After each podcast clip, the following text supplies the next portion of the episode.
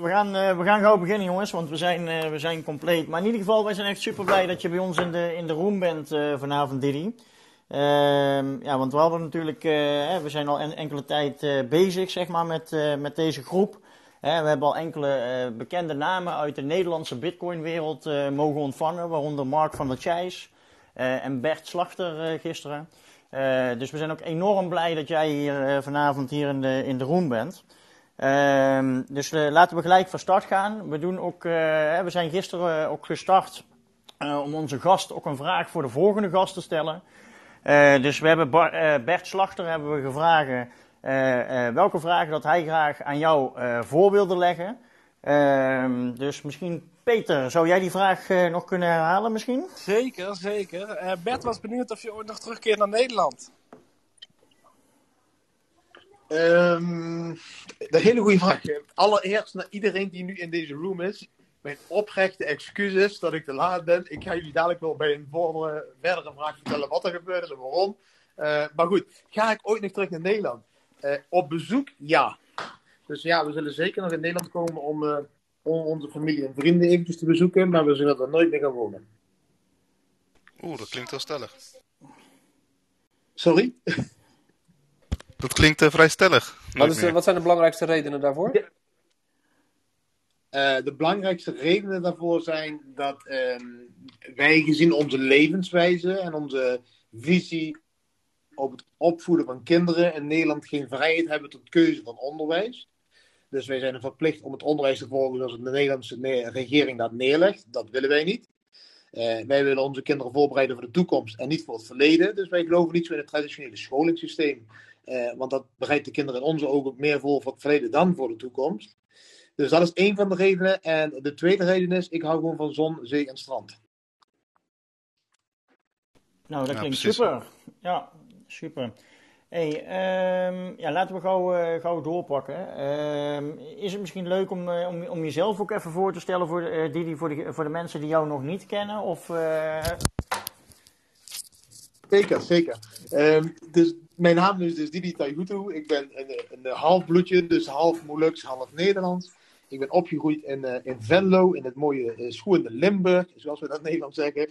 Um, voor de rest, uh, een jaar, ik, ik heb altijd een normaal leven gehad. Ik heb altijd gewoon mijn eigen ondernemingen gehad en bedrijven gehad. En in 2016, 2017 heb ik het gekke idee gehad om uh, met mijn gezin een aantal maanden te gaan reizen. Omdat ik een burn-out had gehad vanwege uh, de stress die ik allemaal had. Vanwege het overlijden van mijn vader en moeder. En tijdens die reis heb ik ondervonden dat het reizen uh, mij gelukkiger maakte dan al het materialisme dat ik had.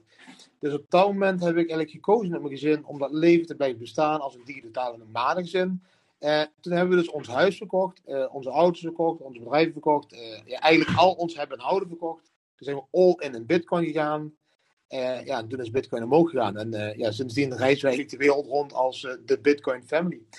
dus dat is een heel kort ja, wie ik ben. Voor de rest, ik heb een boek geschreven. Ik maak elke dag YouTube-video's. Ik, ik, ik, doe heel veel goeds voor de wereld. Dus alle winst die wij maken, proberen wij te investeren in goede doelen.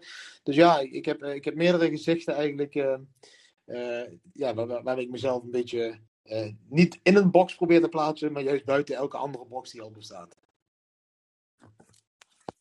Superleuk, super, super mooi. Ja, echt, uh, echt uh, heel gewaagd ook hoor, dat je, dat je dit zo durft aan te pakken. Misschien is het ook goed om misschien meteen jouw verhaal te vertellen. Dan ben jij er ook meteen vanaf en dan zijn wij allemaal op de hoogte wat er, wat er gebeurd is. Want wij waren echt vol spanning met z'n allen aan het wachten. Dus, en we zijn uiteindelijk super blij dat je er bent. Maar wat was er toch gebeurd, Didi? Uh, vandaag bedoel je? Ja, vandaag inderdaad, ja. nou, ik had dus heel mooi in de agenda staan dat ik om 8 uur in Clubhouse had. En eigenlijk als alles volgens planning. Uh, we zijn op dit moment uh, twee dagen geleden uit Mexico aangekomen in Spanje, bij, in Alicante. En we blijven hier bij mijn schoonouders voor een weekje. En de dames die gingen vandaag shoppen in Alicante. En de schoonvader gingen naar het terras in Rondon de las Fraies, een leuk dorpje. Eh, en op het terras, dat, ja, er begon de eerste bako ingeschonken te worden, de tweede bako, de derde bako, de vierde bako. De B staat niet alleen voor Bitcoin, maar voor, voor alle mooie dingen in het leven. Bitcoin, Beach, uh, Bacardi Cola, Big Boobs, Big Butts en al de rest wat met een B begint. Beautiful, uh, je weet je wel, Believe, alles met een B. En ja, en die bakens bleven komen. Dus, dus ik kom net eigenlijk een beetje half zat thuis. Ik zeg even een kwartiertje liggen in de camper voordat ik die clubhouse inga. Uh, met een kwartiertje weer een uur. en ik werd ik wist ik het. dus eventjes niet op te krijgen. helemaal toen, jij, toen jij er nog niet was, is het woord bakkel wel gevallen bij ons. Hoor. Eerlijk. En ik... Nou, dus ik kom dus net even aan tafel. Ik zeg, uh, ik zeg, hebben jullie al gegeten? Ja, natuurlijk hebben we gegeten, man. Het is bijna negen uur. Ik zeg, oh mijn god. Ik kijk in mijn telefoon en ik, shit, shit, ik ben een uur te laat. Nou, ik denk, ik probeer het nog even. Misschien zijn er nog mensen. Gelukkig zijn er nog mensen. Nogmaals, mijn excuses. Uh, maar ja, ik ben er. ja, leuk verhaal, man. Ja, man, superleuk en super eerlijk verhaal. Maar superleuk dat je er bent, uh, Didi, man. Uh, echt, echt, echt superleuk. Hey, um, maar een vraag, hè. Wij, vinden het wel. waarom. Je hebt alles verkocht, zeg maar. Je, bent, je hebt je, je huis verkocht, je, je auto's, je bedrijven. En je bent gewoon. de stoute schoenen heb je aangetrokken en je bent gaan reizen. Maar hoe durf je dat toch zo, uh, die grote stap te nemen, zeg? Want als ik naar mezelf kijk, ik heb ook twee kinderen en een huis. Maar ja, goed, ik zit ook al wel wat langer in bitcoin, maar ik durf die stap niet te zetten. Hoe, hoe is het zover gekomen? Nou, kijk, die, die, die stap die, die is natuurlijk zover gekomen door een aantal onderdelen die je in je jeugd meemaakt. En ja, zoals je hoort, ik ben van Molukse afkomst, wat ik net al aangegeven heb. Dus je wordt op een bepaalde manier opgevoed al door een Molukse familie. Hè, waar, waar, de regering niet helemaal eerlijk met je is omgegaan, hè, zullen we maar eerlijk zeggen, met de opa's. Uh, en, en vervolgens groei je op in je jeugd. En ik wil altijd voetballer worden. Dus ik heb mijn hele jeugd een beetje opgegeven om profvoetballer te worden. Ik heb mijn jeugd samengevoerd met Mark van Bommel en Kevin Hofland en allemaal die gasten. De hele jeugd van Fortuna Sittard. En uiteindelijk kom je op een punt in je leven um, uh, uh, dat, dat je je moeder verliest. En je moeder, mijn moeder was 48, ik was 24. En ik kon die emotie gewoonweg niet verwerken. Ik, ik, ik was te jong daarvoor en, en ik, ik kreeg een burn-out. En door die, uh, op dat moment werd ik, wist ik niet hoe ik het moest omzetten. Dus wat deed ik op dat moment? Ik, deed het omzetten in werken. Dus ik, begon een work, ik werd een workaholic. Ik, begon mijn eerste bedrijf te bouwen, mijn tweede bedrijf te houden. Ik heb altijd wel een beetje problemen met een, baas. Dus ik heb eigenlijk nooit echt gewerkt voor een baas. Ja, en, en die twaalf jaar tijd, dat was dus eigenlijk uh, van 2002 tot 2014, uh, eh, bouwde ik een bloeiend bedrijf op met veel mensen personeel, alles erop en aan. In 2013 begon ik de bitcoins te minen. Hè. Dus in 2014 had ik ook de eerste crash van bitcoin, hè, van 1200 naar 200 dollar. Dat ik dacht van, goh, man, waar ben ik niet mee bezig? En in 2014, december vervolgens, heeft mijn vader mij opgebeld en, en, en die velde mij, Didi, uh, zit je? Ik zeg, ik zit. Ja, hij zegt, ik ben net van de dokter gekomen, ik heb kanker, ik heb nog een jaar te leven. En op dat moment viel mijn leven en mijn wereld in elkaar, weet je. Ik had alles en altijd maar gerend voor het geld. Ik heb bedrijven gebouwd, ik heb alles gedaan, de belastingen betaald, altijd alles maar gedaan om, om, om, om weet je wel, die droom miljonair te worden, die je wordt voorgespiegeld uh, tijdens de scholing. Hè, dat is het einddoel van je leven, miljonair worden, want dan ben je gelukkig. En daar had ik alles voor gedaan. En toch werd ik niet gelukkig. Ik was mijn moeder verloren, ik verloor al met mijn vader. Ik denk, wat is dit? Nou, ik heb toen management ingehuurd om mijn bedrijven te runnen. Eh, eh, uiteindelijk, na de begrafenis van mijn vader, een jaar later, et cetera, heb ik vervolgens een burn-out gekregen. En toen heb ik gezegd van, dit kan niet verder. Ik ben een product van een 90 jaar die denkt dat geld gelukkig maakt. En ik had geld, ik had bedrijven, ik, ik kon mijn vader niet redden, ik kon mijn moeder niet redden. Ik denk, dit is het niet. En toen heb ik op een gegeven moment, nadat die burn-out erger werd, heb ik gezegd tegen mijn vrouw, weet je, ik zal het moeten doorbreken. We zullen eventjes op reis moeten. Ik heb een, mentale, uh, fysieke reset nodig. En toen zijn we naar Thailand gegaan. Voor drie maanden was het plan. En om op reis te gaan heb ik toen uh, eigenlijk toestemming gevraagd van de leerplichtambtenaar, heet het in Nederland. Hè? Want je hebt kinderen, je kun je niet zomaar uit school nemen. Nou, ik heb het alles netjes gepuld. Naar de regering gaan, naar de gemeente gaan. Luister, ik ben werkgever, ik voorzie mensen van loon, ik betaal belastingen. Ik leid zelfs de gemeente Venlo op. Kan ik drie maanden vrij krijgen? Ik heb een burn-out, ik moet eventjes resetten. En toen kreeg ik een keiharde nee. En die keiharde nee, die had te doen met een multiculturele samenleving. En toen zei de gemeenteambtenaar rechtstreeks in mijn gezicht: Ja, weet je, het ligt aan die en die groep in Nederland, en daarom hebben we deze regel. En toen zakte mijn broek af. En toen heb ik de middelvinger opgestoken, heb ik ze uitgescholden. En toen ben ik in het vliegtuig gestapt en toen ben ik naar Thailand gegaan. Nou, en toen, na drie maanden, bleek op die reis, ja, dit is gewoon prettig. Ik voel me heerlijk. En doordat ik me heerlijk voelde, dacht ik van, wat heb ik gedaan in die laatste twaalf jaar? Waarom heb ik zoveel aandacht gegeven aan geld en zo weinig aandacht aan mijn gezin? Juist datgene wat ik voor kies, ik wil een gezin. Nou, en, en, en die drie maanden werden toen zeven maanden. En, en, en na die zeven maanden belden Fred mensen me op die zeiden, heb jij je bitcoins nog die je toen de tijd gemined hebt? Heb jij nog die, die Dogecoin? Ik had miljoenen Dogecoins. En ik had die nog. En ik zag die community groeien. Ik zag de waarde omhoog gaan. Ik realiseerde me, uh, dit is een revolutie. Dit gaat daadwerkelijk het hele monetair systeem veranderen. En ik kan daar onderdeel van zijn als ik nu gewoon alles opgeef, daarin investeer, deze revolutie steun. En we zullen wel zien met schip eindigen. Het interesseert me niet meer. Geld boeit me niet meer. Ik reis. Ik ben blij met het bouwen van een zandkasteel met mijn kinderen in plaats van een fles Belvedere en een club met andere mensen te delen. En, en, dat was voor mij de doorslag. En dat was het moment dat ik tegen de vrouw zei: laten we dit leven blijven uh, leven. Dat reizend bestaan, laten we alles verkopen, ons huis, alles. En gewoon all in gaan in Bitcoin en, en zien wat er gebeurt. Nou, en dat is eigenlijk het hele verhaal. En, en dan op een gegeven moment kom je op een punt in het leven dat je geen angst meer hebt uh, om alles te verliezen. Want er is geen alles meer. Het alles wat jij dacht het alles is, is niets. Het is materialisme. Het is spul wat je kunt kopen en kunt verkopen. Maar het is niet die waarde die je zoekt in het leven. Nou, de hele combinatie van dat heeft ertoe ja, toen leiden dat ik eh, geen angst had om die stap te nemen. Want ik kon niks verliezen. Ik kon alleen maar winnen. Nou, en, en, en die stap heeft tot nu toe dan natuurlijk heel mooi uitgepakt. En dat had ook andersom kunnen zijn. Weet je. We hadden ook bankroet kunnen gaan. Maar ja, goed, nou, dat is iets anders uh, gelopen. Dus uh, ja, dat is eigenlijk waardoor we die, die, die, die, die, die spagaat of die brug of die angst uh, konden overwinnen. Het is eigenlijk net zoals al andere in het leven wat nieuw is. Ja. Hè, mensen hebben altijd angst voor nieuwe.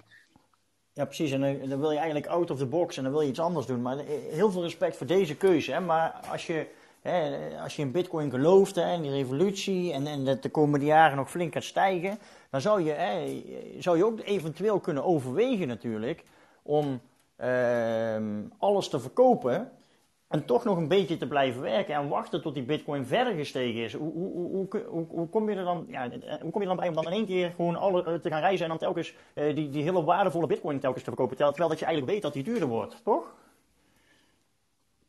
Ja, nou, dat is een, is een, kijk, het, voor ons was het begin van de reis een reis om het leven te veranderen. Het was niet om miljonair te worden, want we hadden al heel veel geld hè, door de bedrijven en alles die ik had. Het was echt een reis, ik wil mijn leven veranderen. Ik wil niet meer rennen in dit hamsterwiel. Ik wil niet elke morgen opstaan en mijn ontbijtje eten, mijn tanden poetsen, de kinderen naar school brengen, naar mijn kantoor gaan, in de pauze de kinderen ophalen, de kinderen weer brengen na de pauze, weer naar het werk gaan, weer naar het werk thuiskomen, avondeten, een beetje sporten, Netflix kijken eh, en weer het hele riedeltje elke dag weer. Ik wilde dat niet meer. En ik dacht op dat moment de enige manier om te kunnen doorbreken, dat is niet half. Alles wat je maar half in je leven doet, wist ik, dat werkt niet. Je kunt of ergens vol voor gaan, ja, of je gaat ergens niet voor. Dus voor mij de enige optie op dat moment was gewoon vol ervoor gaan. En gewoon vol geloven in hetgeen dat je zag. en dat toen al in 2017, natuurlijk had ik al de logarithmic growth curve. En die charts die je nu allemaal delen, ja, die had ik toen al op mijn vizier. Toen zag ik al, hé, hey, er zijn maar 21 miljoen bitcoins. En het aanbod, dat zal hetzelfde blijven. En de vraag zal alleen maar groter worden. Uiteindelijk gaat het het geld vervangen. En dan ga je geloven in iets waarvan je denk dat de technologie de vernieuwende technologie van geld kan zijn. De volgende stap in de evolutie van geld.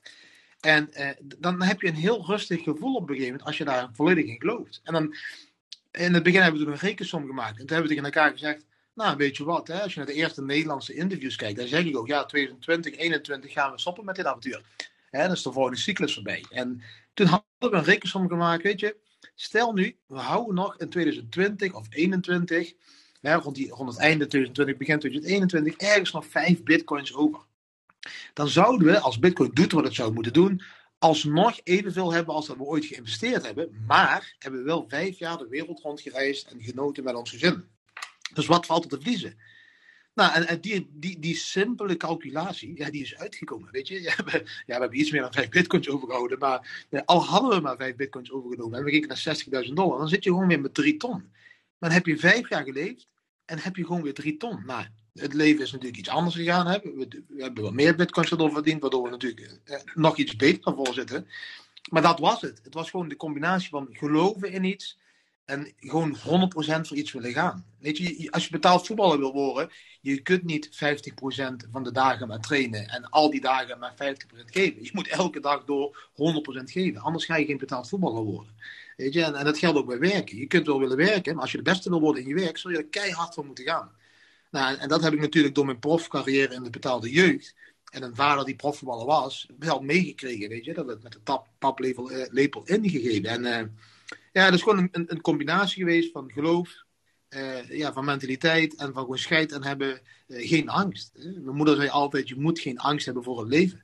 En ik heb me daarna ook afgevraagd, waarom leven zoveel mensen in angst? Waarom maakt iedereen de keuze uit angst en niet uit passie? als je naar links of naar rechts gaat, dan kiest iedereen, ja, laten we maar naar links gaan, want rechts is het gevaarlijke pad. En niemand kiest, nee, laten we maar links gaan, want links is het avontuur. Dus die keuze uit angst, hè, die ben ik toen om gaan zetten eigenlijk in avontuur. Laten we gewoon kiezen juist voor het avontuur. En dat brengt waarschijnlijk nieuwe dingen op ons pad. Nou, ja, zo kan ik een uur doorpraten, maar, maar zo is het eigenlijk in ons hoofd een, een, een situatie geworden waardoor we geen angst hadden om, dat, uh, om die keuze te maken. Leuk man, leuk. Echt, echt gaaf. En heel, heel gedurfd. Want ik denk dat gewoon 99, of 99,9% van de mensen het niet durft, net als ik. Uh, maar ook, ook leuk dat je het zo met, met je kinderen. Dat is ook wel een extra, een extra dimensie, zeg maar. Hè? Als je zo met je kinderen gaat reizen, uh, de wereld over. Die zullen op een gegeven moment, eh, vragen ze nooit van, hé, hey, ik wil gaan settelen. of, ik, of ik wil mijn eigen pad gaan of zo. Of, of hoe ervaren die dat? Want jullie zijn al best wel wat jaren op reis inmiddels, hè? Ja, kijk, het is natuurlijk, we zijn nu vijf jaar op reis in uh, komende maand. En ehm, dan, je begint natuurlijk te reizen met kinderen terwijl ze heel jong zijn. En dan is alles nog een avontuur. Inmiddels is mijn oudste, die wordt nu 16. En de tweede wordt, is nu net 14 geworden. En de derde is 11. Uh, eh, ja, die twee oudste, dat worden pubers, weet je. En pubers hebben bepaalde sociale contacten nodig. Hebben een bepaalde omgeving nodig waar ze zich weer verder kunnen ontwikkelen. En, en distancieren van hun ouders. Uh, normaal gesproken was dat geen, geen probleem. Weet je, wij zijn niet het enige reizende gezin. We hebben een groep van meer dan 60 gezinnen die de wereld rondreizen met kinderen en die je overal hier en daar treft en weer tegenkomt. Um, nu, gezien, gezien uh, dat hele gezeik met het virus, uh, of die griep en, en, en de lockdowns, ja, dan ga je minder mensen gaan reizen. Dus we krijgen minder sociale contacten voor onze kinderen. Dus nu is het voor het eerst in onze reis uh, in, dat we in Mexico niet waren, dat we merkten van, hé, hey, waarom komen die gezinnen niet op vakantie? Wat denken die dat werkelijk? Dat er zombies in Mexico rondlopen, dat iedereen maar doodgaat van de griep. En nu merken we dus het eerst eigenlijk, na vijf jaar, van hé, hey, we, hebben, we moeten iets creëren dat we meer sociale contacten met de kids hebben, aangezien de, de, andere kids niet meer reizen. En vandaar zijn we nu ook in Europa. En dan, en dan ga je gewoon mee met, met de flow, weet je. Je, je, je kunt de toekomst nooit voorspellen. Uh, voor je kids ook niet. Hè. Je weet niet of je het goed of slecht doet. Hè. Doet elke Nederlander het goed uh, door de kids te dwingen om naar school te gaan? Hè, doe je er goed aan om dagelijks in Nederland te blijven met die schoolplicht en de kinderen naar school te sturen. Hè? Als je misschien wel helemaal niet achter staat wat het kind moet leren of de druk wat op kinderen wordt gelegd. Hè? We hebben niet voor niks zoveel depressieve kinderen onder 13 jaar in Nederland. Um, dus, dus is altijd een keuze die je als ouder maakt. Hè? En door die keuze te maken voor je kinderen, uh, je heeft dat voor- en nadelen voor je kinderen. Hè? In Nederland blijven die voor- en tegens, het reizen die voor- en tegens. Het is maar net hoe je gewoon met die voor- en tegens omgaat. Hè? Het glas uh, kan half vol zijn, kan half leeg zijn. En wij proberen onze kinderen op te voeden met de mentaliteit dat het glas altijd half vol is. Hè? Ja, het zal ups en downs geven, maar uh, probeer het glas half vol te zien. Dus, dus, we zijn een gewoon gezin met alle hebben houden en alle emoties die een normaal gezin heeft. En, en, en, ja, en dat, dat, leven leven we. En ja, inmiddels wordt er nu een Nederlandse documentaire over ons gemaakt. de documentairemaakster um, die net over Femke Louise een documentaire heeft gemaakt die is ook op onze documentaire maken. Die zijn in Mexico geweest. Hè, om dat eens vast te leggen. Hè, want die mensen, zij hadden ook zoiets van, maar, dat kan toch niet? Zonder bankrekening leven, zonder geld, hoe doe je dat? Nou, die hebben een week met ons nu in Mexico gefilmd. En, en die zeiden ook, ja, dit, dit gaat eigenlijk helemaal nergens over wat jullie doen. Jullie leven in de toekomst. Jullie leven eigenlijk in de wereld waar de bankrekeningen niet meer bestaan. En dat is de toekomst. Hè, de toekomst hebben we virtueel geld. En het liefst virtueel decentraal geld. Dus um, ja, weet je, je neemt je kids mee op een avontuur. En, en ze kunnen het niet elke dag leuk hebben. Maar hetzelfde geldt ook voor kinderen natuurlijk die in Nederland leven. Dan kan het ook niet elke dag leuk zijn. Ja, precies. En dat heb je hier ook inderdaad. En dan heb hier heb je zelfs, ik denk zelfs als je hier gewoon woont in Nederland, dan heb je nog veel meer verplichtingen dan dat je aan het reizen bent. Want dan kun je eens een keer een wandeling hier gaan maken, een keer een uitje naar daar en dat je daar veel vrijer bent. Helemaal mee eens. Hé, hey, maar Didi, op het reizen, hè? Jullie, jullie, jullie reizen gewoon elke dag eigenlijk. Hè? Jullie maken heel veel mee. Wat was nou eigenlijk het aller, als je terugdenkt in die vijf jaar, bijna vijf jaar dat jullie aan het reizen zijn, wat is nou het, het aller, allerleukste wat jullie hebben meegemaakt? Waar je denkt, wauw, dat is een moment, dat vergeten we nooit meer. En wat is nu een moment geweest van, oh, dat was echt iets gevaarlijks of iets van, wow, dat, uh, dat had ik liever niet meegemaakt?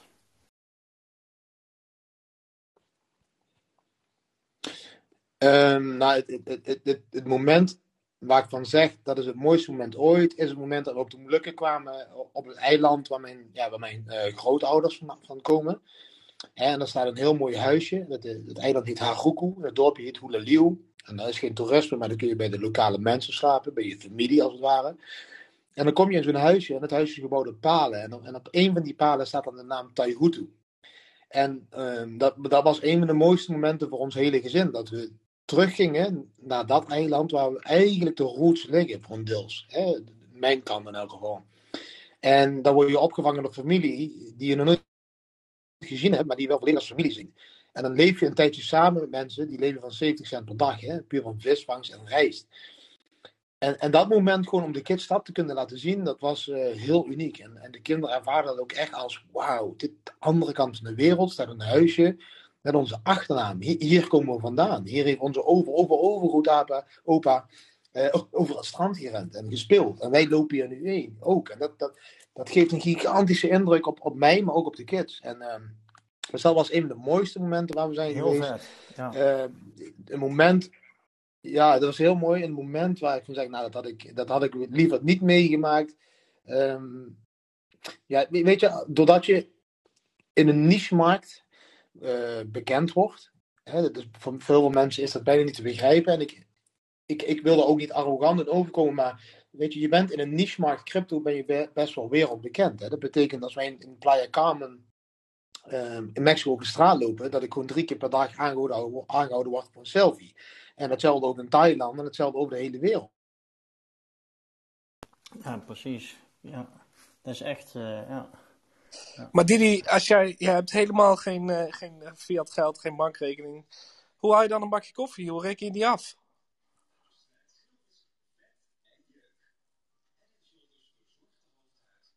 Je microfoontje staat uit. Je maakt, uh... Ik denk even een uh, slechte connectie. Ja. ah, daar is hij weer. Yes, beter. De connectie viel al even weg, uh, Didi.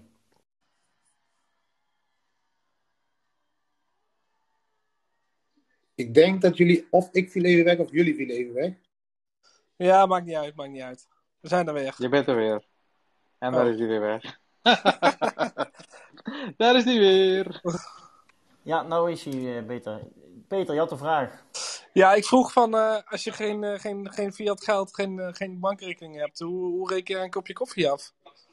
Dus dat, dat, er zijn meerdere mogelijkheden. Kijk, in het begin was het moeilijk, hè, de eerste twee jaar van, van onze reis. Hè. Toen, had je alleen maar localbitcoins.com, dat je op straat mensen kon ontmoeten waar je bitcoins omwisselde voor cashgeld. Hè. Dat, dat was een mogelijkheid.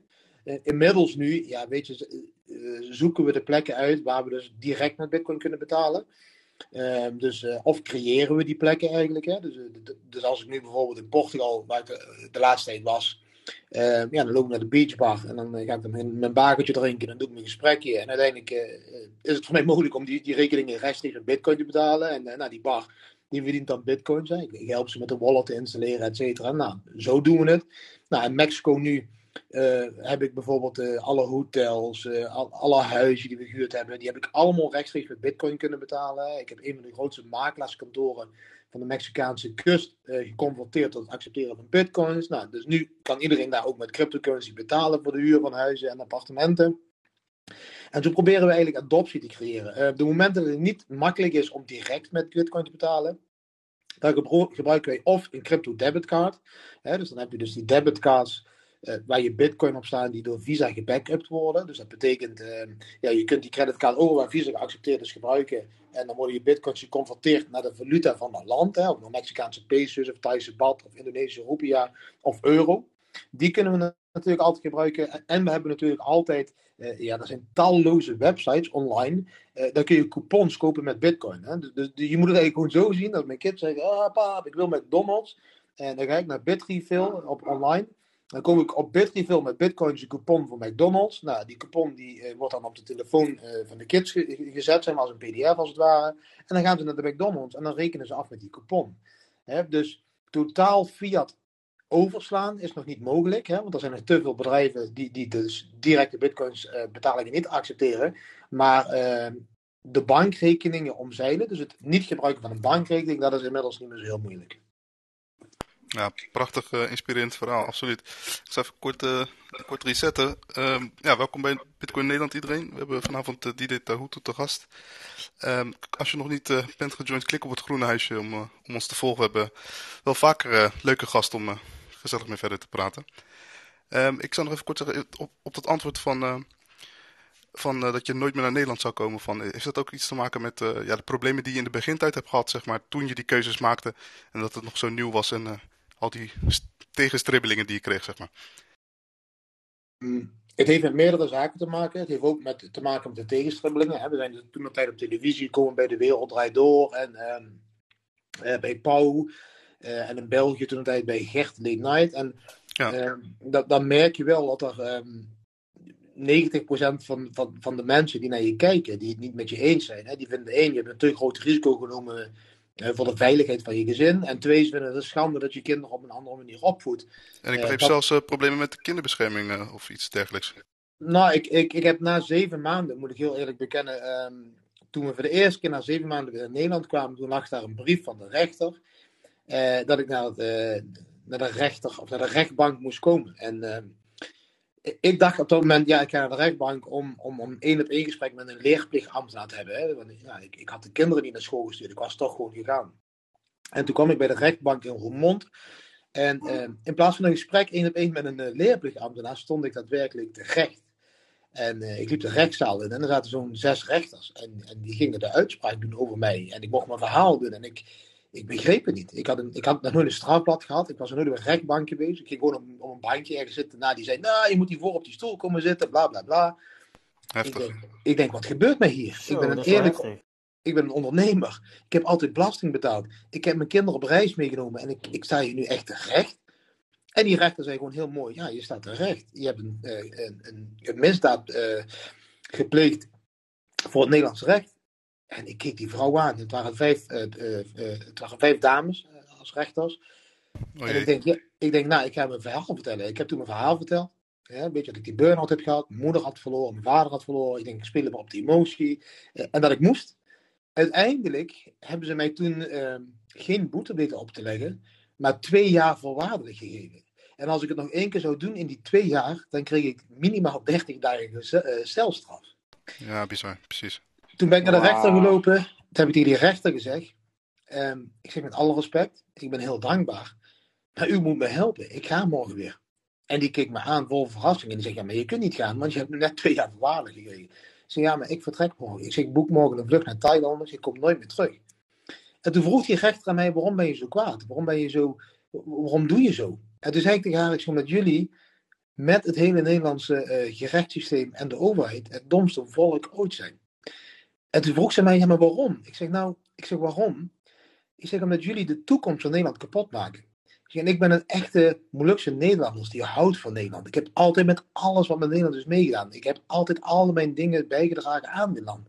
Maar jullie gaan nu zo'n mis, mis, grote stappen maken die, die, die verkeerd is, dat jullie het zelf niet zien. Ja, toen vroeg ze me uitkijken en ik zeg, nou, ik zeg, stel je nu eens voor dat je een miljoen Nederlanders hebt zoals mij die de wereld overreizen, die bakken met geld verdienen over de hele wereld, daarover belasting afdragen in Nederland, maar nooit gebruik maken van de faciliteiten in dat land waar ze belasting over betalen. Nooit over de wegen rijden. Nooit niks doen waar jullie dat belastinggeld aan besteden.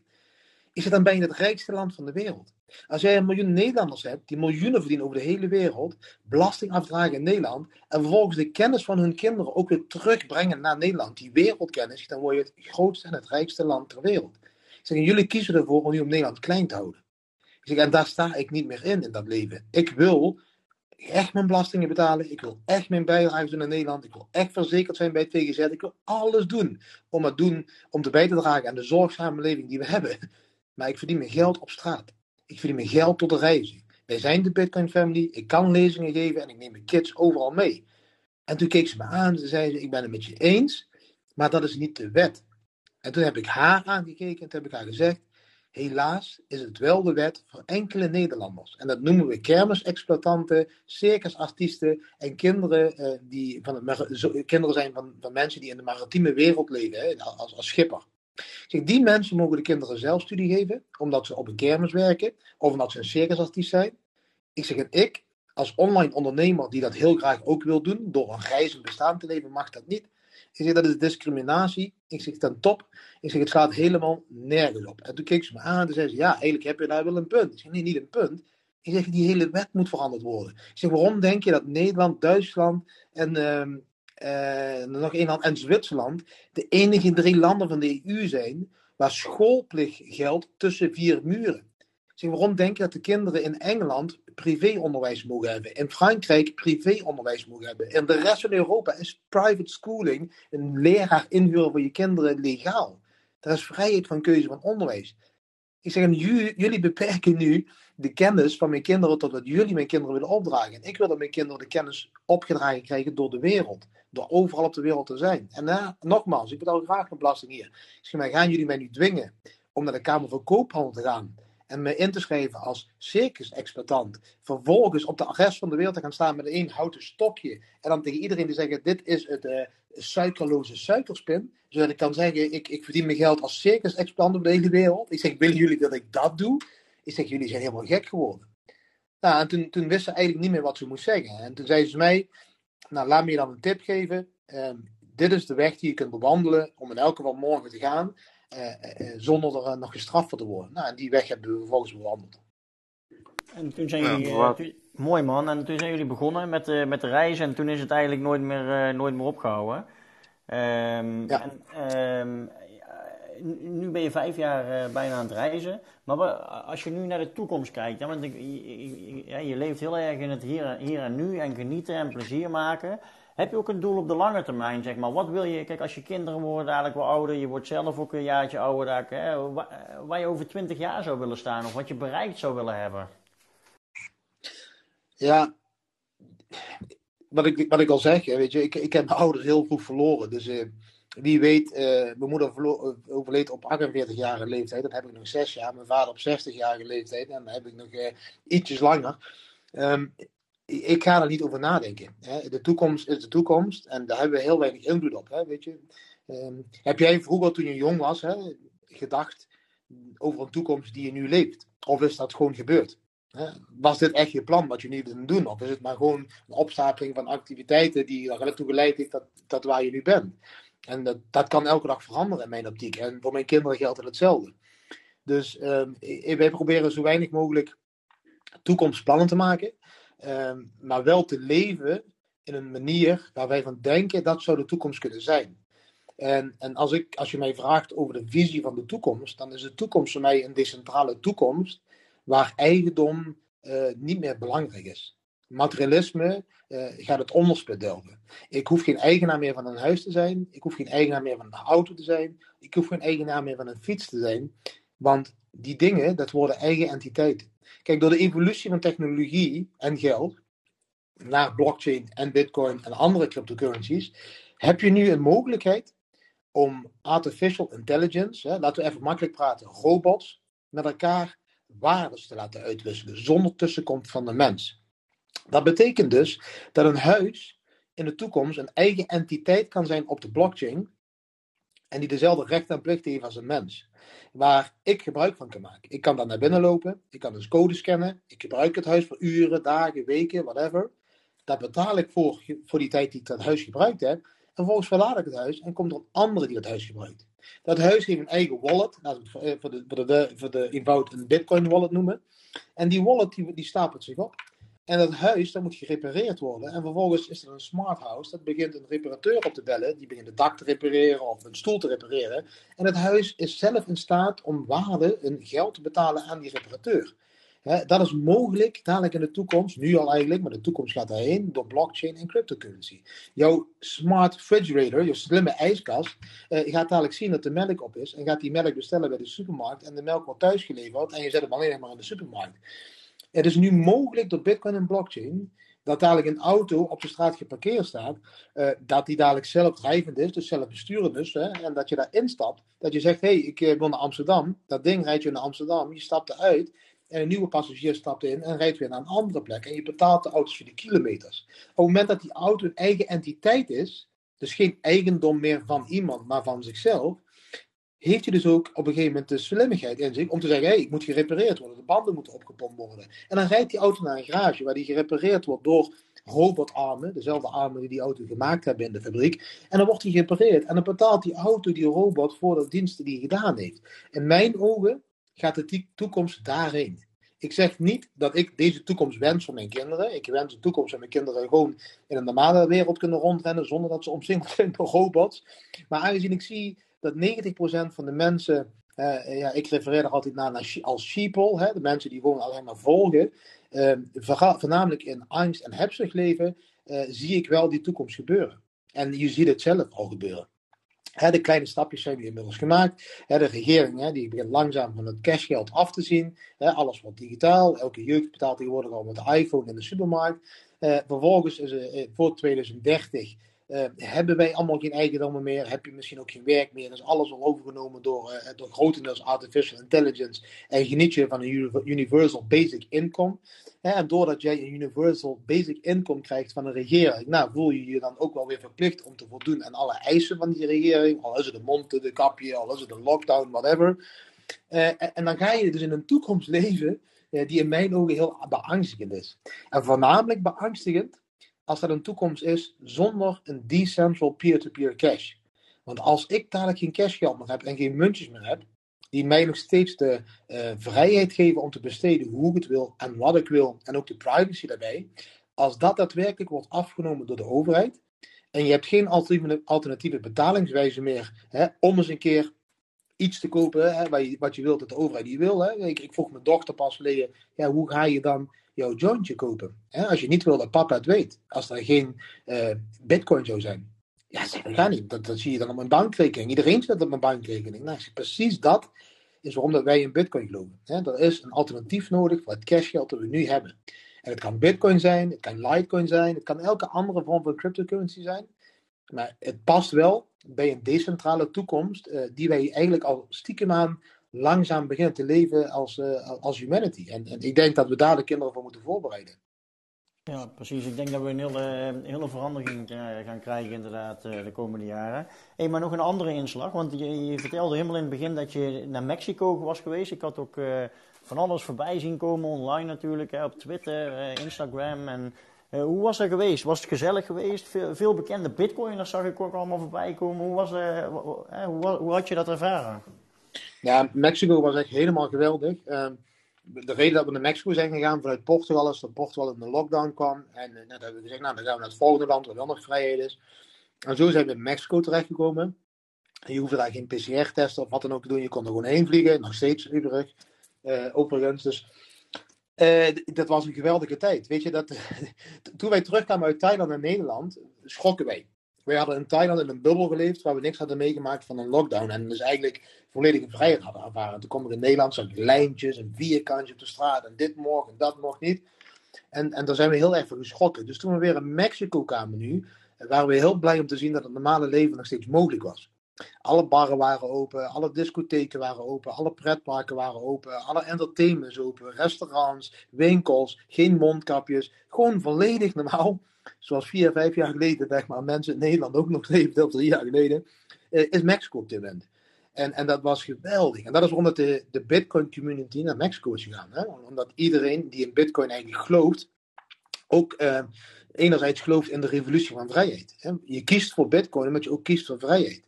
Hè, weliswaar een vrijheid van besteden van geld, maar dat, dat betekent ook vrijheid van leven. En op het moment dat je opgesloten wordt in een systeem, dan, dan ga je naar vrijheid. En dat is waarom dat de mensen van de Bitcoin community allemaal samenkwamen in Mexico. Hè, je zat daar samen met uh, ja, MM Crypto, Caldemoon, uh, Da Vinci, uh. Nou, we zaten daar allemaal samen in Tulum. Bitcoin meetups. Er waren twee Bitcoin meetups elke week. 50 tot 200 man. Gewoon bij elkaar in een kroeg, gezellig praten over Bitcoin. Het leven ging daar gewoon door. En dat hebben we ervaren als, uh, ja, als gewoon helemaal waanzinnig. En, en, en daarbij Mexicaans eten, tequila. Ja, het maakte wel het plaatje compleet voor die paar maanden. dat moet ik wel toegeven. Ja, heerlijk. Ik, ja, ik, ik, ik zag het voorbij. Lekker zonnetje erbij, lekker cocktailtjes en zo. Heerlijk, man. En, uh, roep, dus, dus, dus, je gaf ook aan dat eigenlijk heel die, heel die Bitcoin community die was aanwezig in, in Mexico. Heb je dan ook dagelijks contact met die mensen of roepen jullie elkaar dan op om met z'n allen daar die kant op te gaan? Of hoe gaat zoiets dan? Ja, weet je wat, het gebeurt op een gegeven moment, kijk, als, als hoe noem je dat, uh, influencer, of weet ik hoe je het wil noemen, weet je, dan, dan, dan krijg je wel WhatsApp-groepen, Telegram-groepen samen, ja, en, en, dan heb je ook contact met elkaar samen, hè. weet je, ik heb met, met, met uh, Chris en Carl en met Vinci, die gasten, daar heb ik al jaren uh, contact. Ik heb ook met hun samen in Thailand een paar maanden geleden en zo, en weet je, en en dan hoor je van elkaar, hé, we gaan naar Mexico, nou, dan hou je contact, en dan ga je allemaal bij elkaar in de buurt zitten, in Tulum. En dan heb je gewoon heel veel contact met elkaar. Hè. Je gaat een dag met strand, je gaat s'avonds samen uit eten, je gaat naar de Bitcoin meetup. Ja, dus, uh, dus, dus, dus een groot deel van die tijd besteed je samen met dan bitcoiners. En uh, je ben je vaak omringd door mensen die ook graag uh, kennis willen maken met die wereld. En, en, en, dan, doe je je ding weer. En dan geef je weer educatie aan de mensen van oké, dit is de reden voor bitcoin. Dit is waarom wij erin geloven. En, nou, en dan krijg je weer zo'n kleine community van, van tussen de 50 en, en, en 200 man. Ja, die je gewoon dagelijks op straat tegenkomt. Zeg maar alsof je in een dorp woont waar je iedereen kent. En zo, zo leeft het dan ook weer samen als een community daar. En vervolgens is die community nu voor een deel verplaatst naar Dubai. Uh, nu, nu hebben we allemaal de planning om, uh, om, om naar Bali te gaan, hè, omdat daar ook weer alles langzaam open gaat. Dus dan gaan we een aantal maanden met die hele community in Bali samen zitten en wonen. Kijk, het is, is niets anders als. Um, je, moet het eigenlijk zo zien. Hè? Kijk, je, in Nederland word ik of 50% aangezien, inmiddels nog maar 50% als, als een gek, als een koekwous.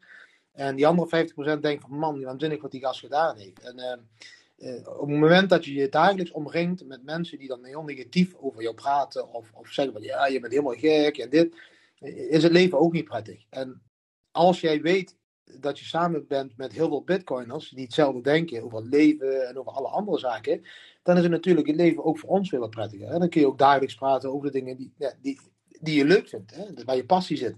En zonder dat je dan, uh, ja, weet je wel, neergesabeld wordt als een of andere conspiracy theorist die denkt dat hij uh, de, de economie moet omverwerpen om, om dat, daarom in bitcoin te geloven, zeg maar. Dus vandaar, ja. ja, tref je je overal op de wereld. Ja, dat is ook hoe deze community tot stand is gekomen hier op Clubhouse een beetje. Ja, maar dat is het mooie. Kijk, dit is dan een hele mooie community. Bitcoin Nederland. Nou, kijk hoeveel mensen vandaag weer hier zitten. Weet je, het zijn allemaal mensen die een reden hebben om naar Bitcoin te kijken. Het kan financieel zijn, hè? dat is de, de, de primaire reden. Hoe kunnen we snel uh, rijkdom vergaren door middel van het investeren in Bitcoin of andere cryptocurrencies? Het kan uh, fundamenteel zijn, hè? daadwerkelijk uh, de economie die niet heel eerlijk is te disrupten. Het kan zijn zoals wij. Hè? Wij willen geld verdienen, de economie disrupten en de winst die we maken verdelen uh, met de arme mensen overal op de wereld om, om de economie gelijk te maken op de hele wereld. Dus iedereen zit hier in deze ruimte nu, omdat hij op een of andere manier een aanraking is gekomen met Bitcoin. En iedereen die in deze ruimte zit en die erover praat op een verjaardag, die wordt of door zijn opa en oma uitgelachen of de tandendoom die zeggen: Jij bent helemaal gek. Of hij wordt uh, op die verjaardag gezegd van, oh geweldig, vertel eens wat meer, weet je. In het begin word je dat gevoel een beetje moe. Hè? Iedereen die elke keer maar zegt, jij bent helemaal gek, je bent helemaal gek. En dan, ja, dan kom je samen online en offline. En dan kun je eindelijk eens een keer uh, ja, als volwassenen praten over de evolutie van geld. en, en, en met mensen die het begrijpen. En je ziet dat deze communities groeien. Hè? Steeds meer mensen begrijpen dat het belangrijk is uh, om het risico te spreiden. Kijk, mensen vragen me altijd zo, die, die ja, maar weet je, is het niet veel veiliger om je geld op een bankrekening te zetten? En dan zeg ik altijd, ja, laat het me je andersom vragen.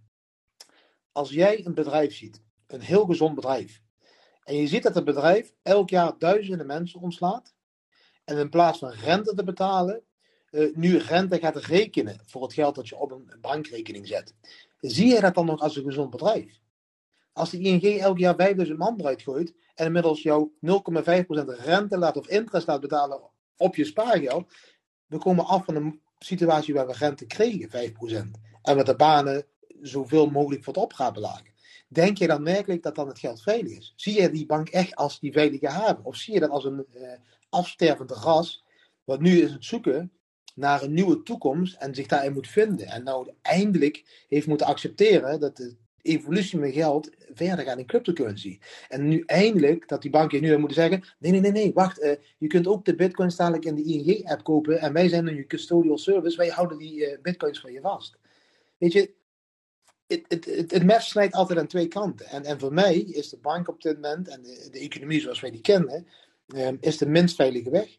Ik heb gezien wat er in 2013 en 2014 gebeurd is in, in Cyprus. He, daar hadden mensen al hun geld op de banken staan. En door een economische crisis werden die rekeningen bevroren en konden de mensen niet meer bij hun geld, hè, naar 60 euro per maand.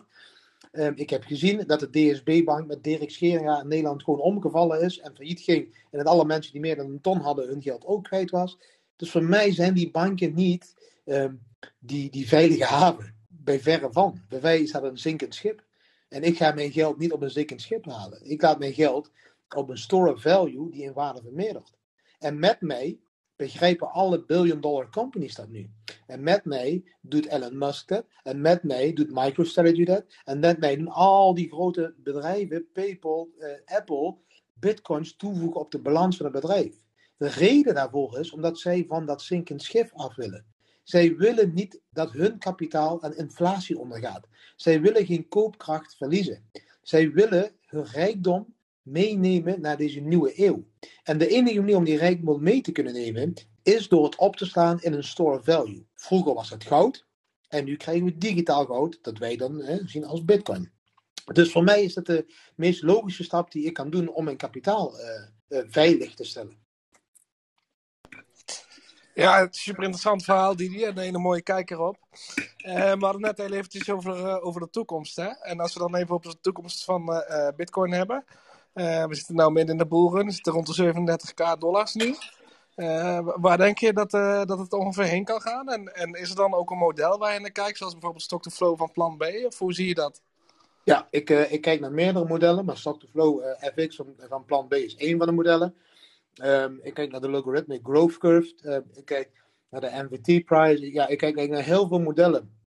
Om eigenlijk te kunnen zien waar de top van deze bull market zit. Um, ik vind het een combinatie van de 2013, 14 bullmarkt en de 2017 bullmarkt. En het zit er een beetje tussenin. In 2013 dachten we dat we bij de piek waren. En toen vielen we eigenlijk ook met uh, 70% terug.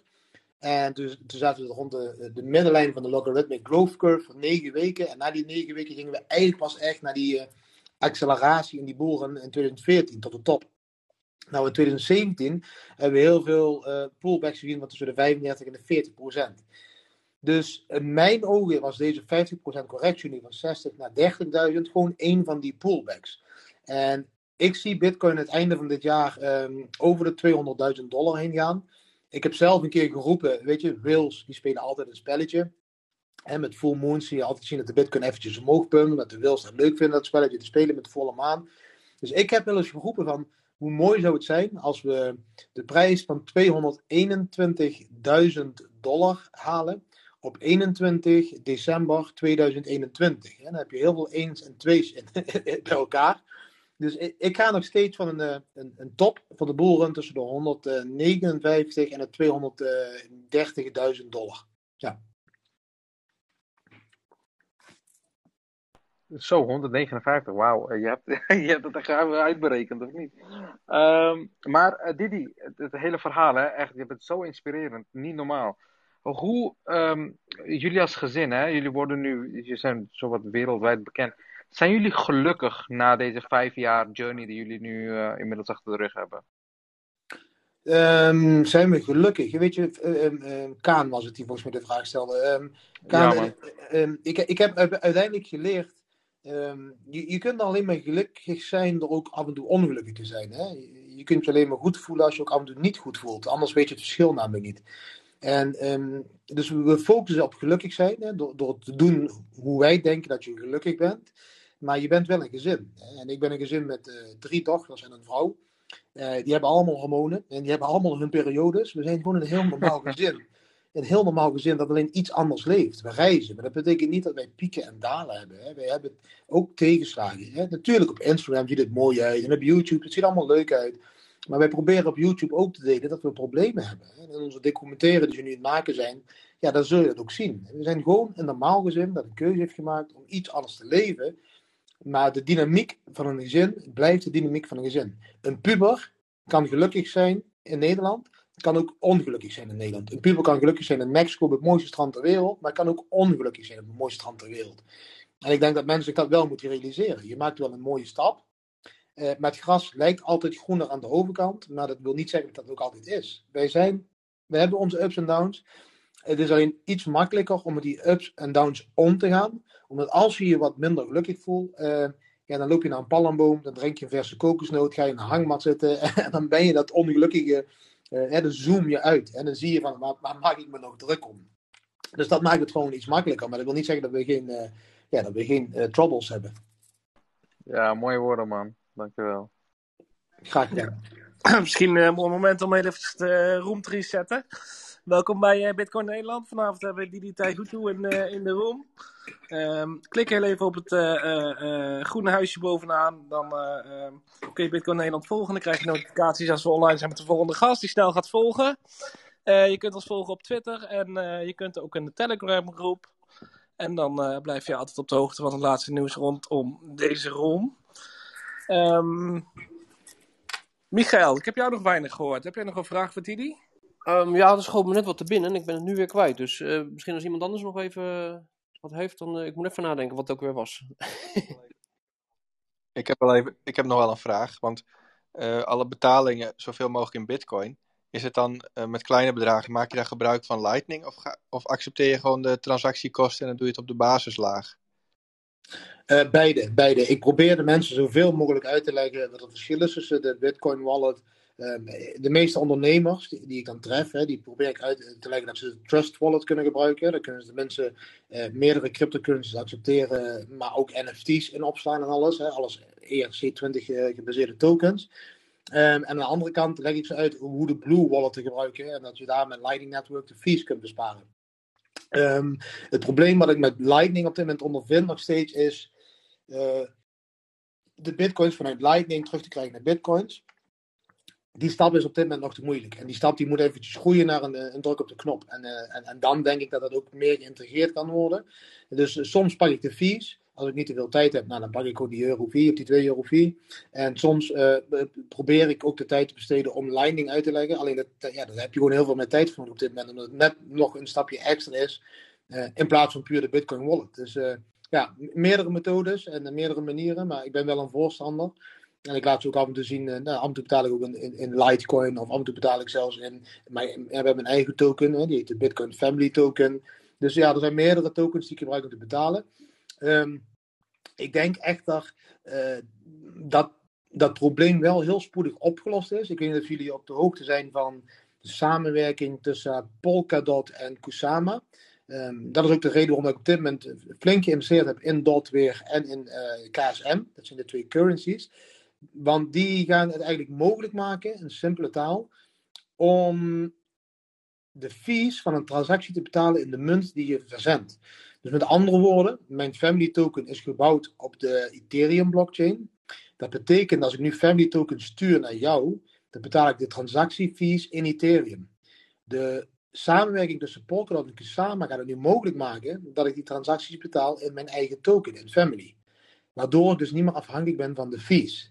En dat gaat denk ik nu tijdens deze bullrun en ook weer tot de, de volgende vier jaar cyclus uitgroeien tot een nieuwe hype. Hè? Dat je currencies kunt versturen door het betalen van de fees in de eigen currency in plaats van de fees van de blockchain. Uh, en dat, dat maakt cross-blockchain uh, usability uh, mogelijk. Dus ik denk dat dat nu nog een discussie is, maar in de toekomst gaat die discussie zo werkt minder... Bitcoin, toch, zo werkt Bitcoin toch al vanaf het begin, of niet? Ja.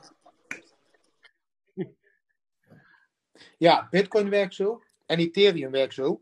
Dus als je bitcoins verzendt, betaal je altijd in bitcoins. In Ethereum betaal je altijd in Ethereum. Maar elke currency zeg maar, die nu gebouwd is op Ethereum, hè, waar iedereen nu van zegt te kopen, en uh, de pump and dumps en alle andere, uh, die kun je alleen maar betalen een transactie met Ethereum op dit moment.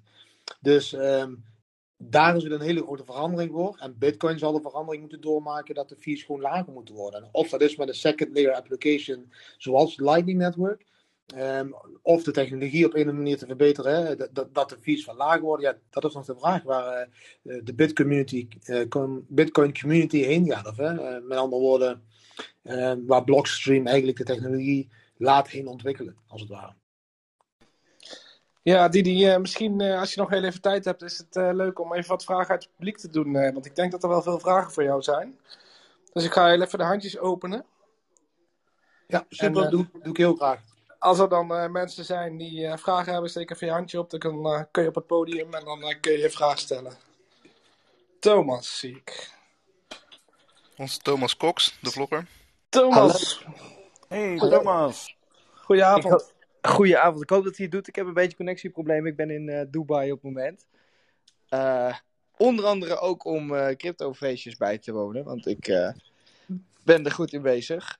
En Didi, ja, je bent een eh, inspirator voor me, dat mag je best weten. Ehm, ik probeer ook bijna all in te gaan in crypto.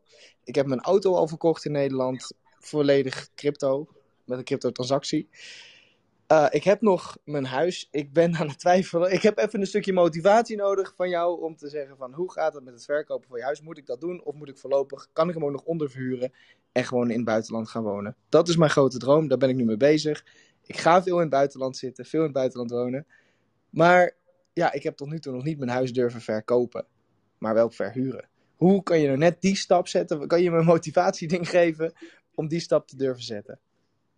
Nou, als je gelooft in wat er op dit moment in de economie speelt, hè, en, en, en dat is niet altijd positief, het kan ook negatief uitlopen met een crisis. Hè. Ik bedoel, eh, we moeten allemaal natuurlijk wel heel realistisch zijn, dat als je de wereld twee jaar op slot gooit, en de restaurants en de kroegen en alle winkels sluit, eh, dat er ergens een probleem is. Er zal ergens geld tekort komen. Eh, en, dan, en dat kun je wel oplossen door geld te printen, hè, wat ze op dit moment doen. Hè. Eh, Biden heeft gezegd in Amerika, nou we gaan nog een keer 6 triljard printen. Wat gaat betekenen dat in de laatste twee jaar 50% van de totale hoeveelheid van geld wat er op de wereld is sinds het bestaan van geld, in de laatste twee jaar geprint is. En, en dat kan alleen maar leiden tot inflatie. En inflatie kan ook alleen maar leiden weer tot een huizenmarktcrash, in mijn ogen.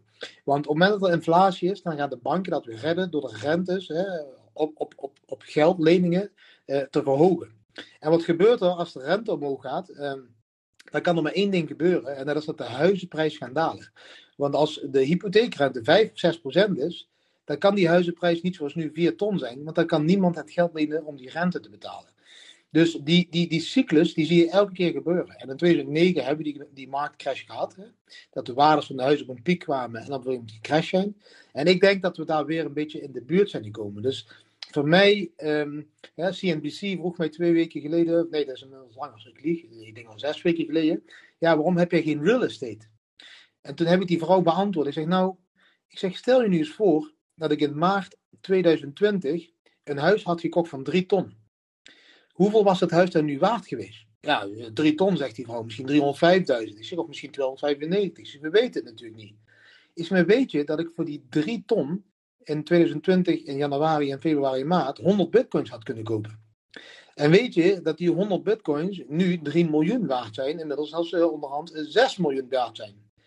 Waarom zou ik dan real estate willen bezitten als dat ik zie dat mijn geld sowieso in waarde vermeerdert, vermeerdert doordat uh, uh, maximaal 21 miljoen bitcoins zijn, de aanbod blijft stijgen, de vraag stijgt. En dat ik voor hetzelfde geld dat ik nu elke maand betaal voor een hypotheek, eigenlijk vele mooie huizen op de rest van de wereld in het laagseizoen kan huren. Weet je, ik had een mooi huis in Nederland. Ik betaalde de 1200 euro per maand een hypotheek. Voor die 1200 euro huur ik nu gewoon villa's met zwembaden aan het strand. Dus ik, ik zie het niet als een verliezende situatie. Nou, en mocht dan uiteindelijk Bitcoin dadelijk wel omhoog gaan, hè, wat we allemaal in geloven, ja, dan denk ik dat je dan ook wel je kapitaal van het huis vrij hebt gemaakt, eh, verdubbeld hebt en dat je dat huis weer kunt betalen. Alleen dan zonder lening van een bank maar gewoon dan rechtstreeks uh, afbetalen. Dus voor mij is het um, op dit moment in, in, de, in, de, in de adoptiecurve, in de Roger Bell's adoptiecurve, als je kijkt naar Bitcoin, zitten we pas in het begin van de adoptie van Bitcoin. We praten over dat 8% van de wereld misschien al een beetje in Bitcoin hè, uh, gedipt heeft. Uh, denk ik dat het een slimmere keuze is om nu te spelen op dit. zie het maar als de 90 jaren. Stel je voor dat je toen dat tijd, mijn vader en moeder, geen huis hadden gekocht. Maar voor dat geld gewoon eh, Google en Amazon eh, aandelen. En gewoon gehuurd waren blijven wonen. Ja, dan waren ze tien jaar later waren ze multimiljonair geweest. Omdat ze geloofd hadden in de groei van de technologie. Eh, en hadden ze ook in mooie huizen geleefd, gehuurd. Alleen was hun kapitaal veel verveelvuldigd. Alleen wij zijn in de 90 jaar heel erg opgevoed van, ja, om je veilig te voelen, moet je eigenaar zijn van een huis. Ja, dat is niet meer waar. We hebben een, uh, iets wat heet Airbnb, we hebben iets dat heet Travalla, Trip. we hebben iets als Uber. Dat zijn allemaal services die je gebruikt zonder dat je eigenaar ervan bent, maar wel in de mooiste plekken ter wereld kunt besteden voor hetzelfde geld dat je normaal maandelijks in Nederland kwijt bent. Dus dat is mijn motivatie naar jou toe om te zeggen van, ja, je verliest niks. Je wint alleen maar. Uh, dus uh, mocht je verliezen, dan begin je weer opnieuw. Zoals je opnieuw bent begonnen vanuit school, met helemaal niks. En dan ga je een baan zoeken en dan bouw je weer inkomen op. En dan ga je weer naar de bank en dan ga je weer een hypotheek pakken. En dan koop je weer dat huis wat je zo graag wilde hebben. Het is nooit voorbij. Hè? Iedereen moet zich realiseren, je bent begonnen met niks. Je bent begonnen met nada, met kennis uit je kop en, en een, een, diploma, wat het dan ook waard is. En daar heb je je tot opgebouwd wat je nu bent. En dat kun je duizenden keren opnieuw doen. Daar heb je echt geen angst voor nodig. Ja, wauw. Ja, het heeft, het heeft uh, een beetje ballen nodig om het te doen. Maar als je het zo vertelt, dan moet ik die stap wel zetten. Ik vond het verkopen van mijn auto al lastig. Maar goed, dat uh, nou, is nog... Nou, hoe heeft het uitgepakt? Wanneer heb je je auto verkocht? Uh, dit is recent. Ik ben twee weken geleden uit Nederland vertrokken ongeveer. Ik heb die week daarvoor mijn auto verkocht. Uh, maar ik, ik, zit al wel langer in Bitcoin hoor. Ik ben wel langer daarmee bezig. Maar ik had hem gewoon te koop gezet. En ik had bij de advertentie erbij gezet van joh, betaling in Bitcoin is ook mogelijk. En iemand die kwam zo waar en die zei: uh, Ja, is goed. dus dat vond ik wel mooi. Echt vet, ja, super gaaf. En ik denk over vijf maanden dat jij die auto weer een keer vijf keer terugkopen. ja, ja dat, dat is ook het hele idee erachter. Ja, dat zou mooi zijn. En nu ben ik dus van plan. Ik heb nu klaarstaan dat ik constant ga reizen eigenlijk. Ik ben nu in Dubai en ik ga hierna naar Zuid-Afrika. En ik ben constant op reis. Um, dus ik heb dat huis eigenlijk ook niet meer nodig. Nou, weet je wat het is? Veel mensen denken dat ze het huis dan kunnen inzetten als verhuur. Hè, of als, als ja. ruilmiddel om te, uh, huizenruil te doen. Maar aan de andere kant is het ook altijd weer een last. En is het ook elke keer een maandelijkse kost. En is het ook elke keer weer de verzekeringen. En is het ook elke keer een klagende huurder. Het, het blijft een last die jou... Uh, uh, ook wel een beetje vastpint. Hè? Wat als je dadelijk geen huurder meer hebt? Hè? Wat als de huur te hoog wordt en mensen willen niet meer huren? Hè? Dan moet je dan toch weer terug naar huis. Het huis verkopen misschien terwijl het onder water staat qua hypotheek. Eh, alles heeft natuurlijk risico's. Hè? Weet je? En, en ik denk, je leeft nu. En uh, het huis is meestal een, een, aankoop die mensen doen voor 30 jaar. Want als we dan ooit over 30 jaar die hypotheek afbetaald hebben, dan hebben we heel veel geld vrij. En dan kunnen we dan lekker gaan genieten wanneer we 60 zijn. Nou, laat me jou garanderen, wanneer je 60 of 70 bent, dan beklim jij niet meer de Kilimanjaro, dan ga je niet meer diepzee duiken, dan spring je niet meer van een klif af, dan doe je al die dingen niet meer. Die doe je nu, terwijl je 30 tot 60 bent. Daar is de periode dat je fit bent en het leven bij de ballen kunt grijpen en volledig kunt gaan voor leven. Dus waarom zou je dat uh, geld stoppen in een huis, zodat je over 30 jaar een keer kan uitcashen? Ja, en dan ga je niet uitcashen, want dan kun je niet meer het huis uitlopen. Ja, wauw, oké. Thomas, dankjewel, laat... dankjewel. Kom even terug eh, binnenkort en laat even weten wat je, wat je gedaan hebt, man. Ja, is goed. Ja, als, ik het, als ik het heb verkocht, dan zal ik het zeker laten weten. Uh, top. Uh, de prijzen staan lekker hoog, dus uh, dat is wel mooi meegenomen. Ja, juist. We hebben inmiddels veel mensen op het podium. Um, probeer je vraag een beetje kort te houden, zodat iedereen aan, aan de beurt komt. Arno, ik zal ze ja... kort antwoorden, sorry. Ja, Arno, je had nog een vraag voor Didi? Ja, zeker. De, de antwoorden mogen lang hoor. Ja, de antwoorden mogen lang. Ja, goed. Maar antwoord, Didi, ik vind je een fantastische gast. Dankjewel. Heel uh, echt, het, het, het, het leven springt gewoon uit je, uit je woorden. Zo simpel is het. Um, ik heb een vraag aan jou. Wat, wat, wat vind je van atomic swaps? Um, nou, als ik heel eerlijk moet zijn, heb ik me daar nog niet in verdiept. Op dit moment word ik geleefd. Op dit moment is de bullrun aan de gang. En um, ja, moet ik gewoon eerlijk zeggen, word ik geleefd. Weet je? We, zijn weer documentaires opnemen. Ik ben investeerder, adviseur. Ik ben dorpen bouwen op de hele wereld. Scholen, huizen voor uh, kansloze kinderen. Dus ik heb mijn focus op dit moment eigenlijk gelegd meer op de wereld te verbeteren. Eh, omdat ik een model heb gecreëerd waardoor ik uh, door traden gewoon eigenlijk mijn bitcoins verdient.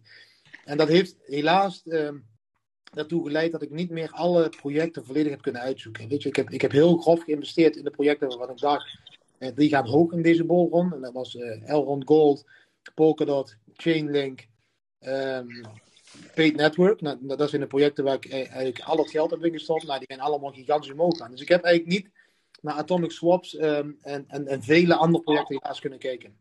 Een kleine uitleg van eh, Atomic Swaps. Eh, Atomic Swaps zijn ehm, peer-to-peer swaps waarbij geen exchange meer nodig is. Ja, dus dan hebben we het eigenlijk over decentral exchanges eh, zoals eh, Uniswap of eh, PancakeSwap of ehm, nou, al deze decentrale exchanges die eigenlijk hetzelfde doen. Hè? Dus eigenlijk dus een versie van de Atomic Swaps. Ehm, ik, heb, ik, heb, ik heb een kleine investering gedaan in, in, in twee of drie decentrale exchanges. Ehm, en die zijn allemaal up and running en die doen het allemaal heel goed. Ik sta daarachter. Ik geloof dat het de toekomst is. Ik geloof niet meer in centrale exchanges waar KYC benodigd is. Ik ben een felle, maar ook een echte hele felle tegenstander van KYC gereguleerde services. Ehm, waarom? Omdat dat niet de grondlegging eh, van Bitcoin is. Bitcoin is daar gemaakt om toegankelijk te zijn voor iedereen. Voor iemand die arm is, voor iemand een zwerver is, iemand die geen KYC kan doen, iemand die ook KYC kan doen. Dus alle bedrijven die op dit moment gefocust zijn op het verhandelen van bitcoins, maar daarvoor wel KYC behoeven, eh, daar, daar, daar zet ik me tegen af. Dus als, als je dat bedoelt met Atomic Swaps, dat het decentrale exchanges eigenlijk ondersteunt, dan ben ik een van de allergrootste voorstanders eh, van, van dat feit, ja. Ja, nou, goed, eh, goed beantwoord. Iftikar, eh jij had nog een vraag voor Didi. Hey, goedenavond. Eh, inderdaad, eh, heel erg inspirerend. Ik had eigenlijk een vraagje wat je in het begin ook zei. En ik ben met name benieuwd eh, wat je motivatie Je noemde ook in het begin dat je ook Dogecoins eh, van de prille begin hebt gekocht. En ik was benieuwd omdat je toch een eh, Bitcoin hart en nieren ja, omarmd hebt. Wat, wat was voor jou de reden destijds? Nou, destijds eh minde ik bitcoins. Dat was in 2013, 14. Toen was ik dus bitcoins aan het minen op mijn kantoor. Ik heb mijn kantoor leeggeruimd voor 40.000 euro materialen toen besteld. Hè, moederborden, grafische kaarten. eh, Toen zijn we gaan minen. En toen die crash van bitcoin gebeurde in 2014 van 1200 naar 200, toen zag ik, zocht ik naar een alternatieve coin om te gaan minen. Hè, die, die, die, die op dat moment wel nog rendabel was. Want het minen van bitcoin was niet meer rendabel, dat het, die niet meer zoveel waard was.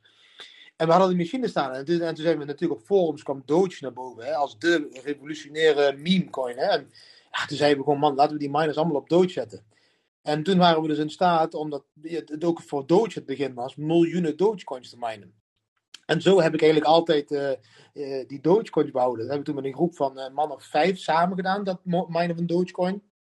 En volgens mij hadden we in totaal nou, ieder een paar miljoen Dogecoin. En eh, nou, die, die hebben we allemaal vastgehouden. Want wij geloofden allemaal in de, in de meme coin die ooit een dollar waard zou worden. Weet je? En eh, nou, dit jaar waren we heel dichtbij bij die dollar al. Wie weet, Ja, echt. wie weet komen we daar nog dichtbij. Ik heb, eh, eh, ik heb nog ongeveer 2 miljoen Dogecoin. Dus eh, ja, goed, die hou ik ook vast. Dankjewel. Klein, Heftig. klein, aka Crypto, had nog een Yes. vraag Didi. Ja, klopt helemaal. Didi, ik was eh, benieuwd hoe jij kijkt naar eh, crypto en belasting. Eh, en wat jouw visie daarop is. In Nederland valt dat nu nog in box 3. Zie jij daar nog een risico in dat eventueel in box 1 valt? Hoe zie jij dat op, eh, eh, ja, op het mondiaal niveau? Zijn er bepaalde landen waar dat gunstig is? En hoe zie jij de toekomst met betrekking tot belasting en bitcoin en crypto in het algemeen? Ja, nou, ehm, ik denk dat het enige woord in de wereld met een B begint wat ik niet leuk vind, is belasting. Ehm, dus wat, wat dat aangaat. eh, Ik ben, ik, ik ben niet tegen het betalen van belasting. Ik ben wel tegen het model dat wij eh, als belasting eh, hebben. Ik denk dat het een heel uh, verouderd model is. En ik denk dat het heel eenvoudig vernieuwd kan worden, zodat iedereen ten alle tijde belasting betaalt achteraf en niet vooraf. Ehm, ik ben een voorstander van ehm, bijdragen aan een land door middel van belasting, als dat land als democratie ook daadwerkelijk doet wat het volk wil dat gedaan wordt met die belasting. Op het moment dat een land ervoor zou kiezen om dat belastinggeld te gebruiken om een of andere gekke helikopter te betalen of uh, leningen te geven aan Griekenland waarvan ze weten dat ze het nooit terug zullen krijgen, eh, dan ben ik geen voorstander meer van belasting. In Nederland valt het nu nog in de box 3 als vermogensbelasting. Dat betekent dat je ongeveer 1,3% betaalt over de waarde die je hebt op eh, januari van dat jaar, als het ware. Dus dat is een heel lucratief systeem om in te leven als bitcoiner in Nederland. Ik heb echter wel het gevoel dat ze uh, zichzelf willen gelijk trekken met Duitsland en andere landen, waar je dadelijk dus winstbelasting gaat betalen. Dus over de ja. winst die je maakt door het treden. Nou, daar ben ik totaal geen voorstander van, want dat, het is vermogen, zeggen ze toch. Hè? Um, dus op dat moment um, ga ik zoeken naar alternatieven. En dat is waarom dat ik op dit moment bezig ben met het ontwikkelen en het bouwen van een dorp in Portugal. Het dorp het gaat heten Blockchain Village. Blockchain-village.com. Daar kun je al een beetje wat zien en lezen. Uh, dan wil ik een dorp gaan bouwen, omdat Portugal het enige Europese land is dat de 0% heffing heeft op Bitcoin. Via de wet.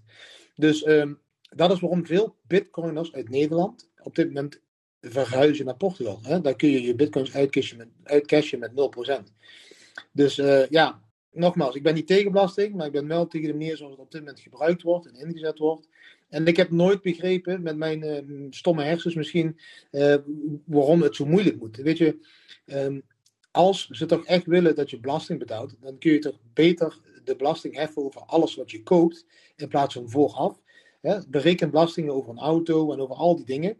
Uh, dan maakt het niet uit hoe het geld binnenkomt. Want uiteindelijk, of het geld wit, zwart, groen, geel is, je betaalt belasting wanneer je het uitgeeft. En daar ondervang je eigenlijk alle problemen mee, zou ik dan zeggen, in de wereld. Alleen, ja, belasting uh, wordt ook natuurlijk gebruikt om de, om, om, om de rijken rijker te maken en de armen armer te houden. En, en, daardoor natuurlijk ook uh, de, de, macht bij die mensen te houden in een regering en, en, overheid en bedrijfsleven waar het moet zijn, volgens hun. Dus voor mij is belasting niet, ja, niet de meest positieve manier van het behandelen van ons volk. Thanks. Goed dan. Caroline, brandlos. Ja, hoi, goedenavond. Hey guys, super gedaan. En Didi, fantastisch. Je bent echt super inspirerend voor iedereen hier. En uh, ik volg je al uh, wel een tijdje, een beetje stilletjes op de achtergrond. Maar uh, hey, ik heb, ik heb een vraag. Ik vind het echt super ehm, belangrijk ook dat er ook steeds meer vrouwen in Bitcoin stappen. En toen ik erin stapte een aantal jaar geleden, verklaarde iedereen mij voor gek. En soms mensen nog. Maar ik ben dus benieuwd hoe jouw vrouw daarin staat. En, en of zij vrouwen inspireert. En hè, dat, wat ik, het is vaak toch nog een beetje een mannelijke wereld. En, en wat Madelon Vos doet, vind ik fantastisch. Maar hoe krijgen we meer vrouwen in de bitcoin? Vrouwen. Ja, dat is een hele goede vraag. Uh, mijn vrouw is, um, is anders dan, dan mij. Ze is gewoon heel wat eenvoudiger. En ze heeft meer zoiets van, nou, laat mij lekker met rust. Ik, ik focus me op de kinderen. En uh, ik hoef niet in de picture te staan. Um, zij staan natuurlijk wel volledig achter de keuze van Bitcoin en ze begrijpt ook volledig wat het is. Um, nou, ze heeft pas geleden een keer een interview gedaan met uh, Kek Mama. En ze heeft een interview gedaan met uh, de Linda. Daar staan we volgens mij in mei. In de mei staan we met vier pagina's groot in de Linda. Um, dus ze doet haar bijdrage, maar ze, is, uh, ze, ja, ze speelt liever op de achtergrond de, de moederrol en, en, en zorgt eigenlijk um, voor de balans in ons gezin. Hè? Want ik ben nog wel die gek die elke keer maar allemaal gekke ideeën heeft. Uh, de kinderen willen weer andere dingen. Nou, en, en, zij zoekt elke keer de balans in ons. En ja, zij heeft zich eigenlijk een beetje die rol toegeëigend. Um, maar ze probeert wel de dochters uh, steeds meer Bitcoin-minded te maken. En, en, dat, dat is, vind ik heel belangrijk. Hè? Want ik, ik kan proberen andere mensen te overtuigen. Maar dan zou ik moeten um, leaden by example. Hè? Ik moet het goede voorbeeld geven. En dat, dat begint bij mijn kinderen. Waardoor ik uiteindelijk mijn dochters allemaal hun zakgeld in bitcoin betaal. En waardoor ze nu zien van wauw, ja, dat, dat, die, dat zakgeld wat ik had en gespaard heb, gaat nu heel veel waard worden in dollarwaarde, weet je. En, en zo laat ik mijn kinderen zien hè, dat het beter is om, om zakgeld te hebben. En dan hoop ik dat zij weer hun, hun bijdrage doen naar de jeugd. Hè, op hun TikTok-channels en op al wat gebeuren. En laten zien aan hun vriendinnetjes, kijk, ik heb bitcoin als zakgeld. En dat gaat alleen maar omhoog. Dus ik probeer me op dit moment te focussen op het gezin een beetje qua dat, qua kids. En de vrouw doet daar het allergrootste deel. Ik denk niet dat ik zonder haar uh, dit leven, dat we dat als gezin zo, uh, zo probleemloos zouden kunnen leven zonder dat zij die balans uh, bewaart in ons. Ja, omdat het met name ook voor mij gaat vrouwen ook steeds meer in die financiële onafhankelijkheid uh, te laten brengen. En dat uh, financial literacy zo belangrijk is om dat eigenlijk ook al vanaf jonge leeftijd uh, bij kinderen bij te brengen. Weet je wel? Wat is het compound effect? En Ja, weet je, dat allemaal eigenlijk. Dus dat, Ja. dat vrouwen ook met name daar steeds bewuster van worden. Want financiële vrijheid betekent ook financiële keuze of, of vrijheid in keuzes. Blijf je in een slechte relatie zitten of in een vervelende carrière of nou, dat eigenlijk. Dus dat Ja, nou, daar ben heel ik- sterk. Ja, daar ben ik het helemaal mee eens. En ik denk, ehm, daar doen we dus inderdaad eh, ons best in. Maar nogmaals, ja, het is niet dat de vrouw op de voorgrond staat. Eh, maar wij, op de wereld komen natuurlijk heel veel mensen tegen, weet je. En, en ik doe ook, inmiddels moet ik toegeven, betaalde eh, coaching calls. Hè. Mensen willen mij betalen om een uur met mij te praten tegenwoordig. En die vragen ook af en toe, ja, kan je vrouw erbij komen zitten? Nou, dan praten we samen. En, er zijn veel gezinnen die hetzelfde willen doen. Hè, en die ook een ander leven willen, maar gewoon dan ook hè, eh, het verhaal van de vrouw willen horen. Niet alleen van de man die, die steeds maar in de, in de publieke eh, aandacht staat. Maar dan, en dan gaat mevrouw samen in het gesprek en dan, en dan praat ze met die ouders. En, en weet je, dus we doen onze bijdrage. En, en vandaar dat wij als Bitcoin Family op een gegeven moment dus ook... ehm, ja, we hebben dus eigen indicatoren. eh, trading indicators, die de die Bam Bam indicator en de TikTok indicator. En die helpen mensen mee eh, met traden. Hè, wanneer te kopen en wanneer te verkopen. En daarmee versimpelen we eigenlijk eh, het proces. En in dat merken we dat vrouwen dat heel prettig vinden, ehm, terwijl zij het eigenlijk niet nodig hebben in mijn ogen. Een vrouw is wel emotioneel vaak in het leven, maar in traden eh, laten ze zich veel minder in beïnvloeden dan, dan de man. Dus ik denk dat heel veel vrouwen door middel van het traden van cryptocurrency een, eh, een, bepaalde rol financieel eh, eh, vrijheid kunnen krijgen. Want ik, ik vind dat ze daar heel sterk in zijn. En e- een van de beste traders die ik ken persoonlijk is Lisa. Lisa is de zus van Greg Wright helaas, van, van BSV. En, en Lisa zit op Twitter en ze is een hele grote bitcoiner en trader. En ik, aan haar kan ik zien, kijk, voor, voor een vrouw is, is, is het denk ik nog eenvoudig om te traden omdat ze minder last heeft van die emoties. Hè, van, oh, ik moet verkopen, want... eh, ja, want een vrouw heeft ook vaak wat meer eh, rust op dat gebied. Dus ja, ik, ik ben het met je eens. En ik, eh, we proberen onze bijdrage te doen om, om, om meer vrouwen in de industrie te krijgen. En ja, het, het lukt doordat je als gezin dit leven leidt. Ja, dan zien vrouwen... Ja, we- zie je, die man met vier, do- drie dochters en een vrouw, en die doet het maar. Dus ja, dan kan elke vrouw het hoor. Dat hij het kan, dan kunnen wij het ook. Precies, dankjewel. Super, super. Graag gedaan, Carolien. En ik zie dat we nog eh, twee mensen op het podium hebben. Zullen we nog even twee vraagjes doen en eh, daarna gaan we gaan afronden? Vind je dat goed, Didi? Ja, ik denk dat iedereen wel naar de kroeg wil, toch? Dus, eh, Doreen, stel je vraag. Ja, super tof. Ik volg je ook al een lange tijd en dit is ook weer echt super inspirerend. En wat ik me eigenlijk afvroeg is, wat denk jij dat de eh, grootste vijand is van de hele cryptowereld? Dus bijvoorbeeld regulatie of zo, of de overheden. Ehm, zijn, er, zijn er überhaupt vijanden of dingen die deze revolutie zeg maar ja, tegen zouden kunnen houden? Ehm, he- hele, hele goede vraag, Doreen. Ehm, om heel eerlijk te zijn, na, nadat ik nu sinds 2013 in deze industrie zit, is de enige vijand zijn wij zelf. Ehm, helaas heb ik de hele industrie zien veranderen van een industrie die een revolutie ondersteunt en die het systeem wil omverwerpen, het economisch systeem, naar een community die meer gefocust is op het verrijken van zichzelf, dus het materialisten weer.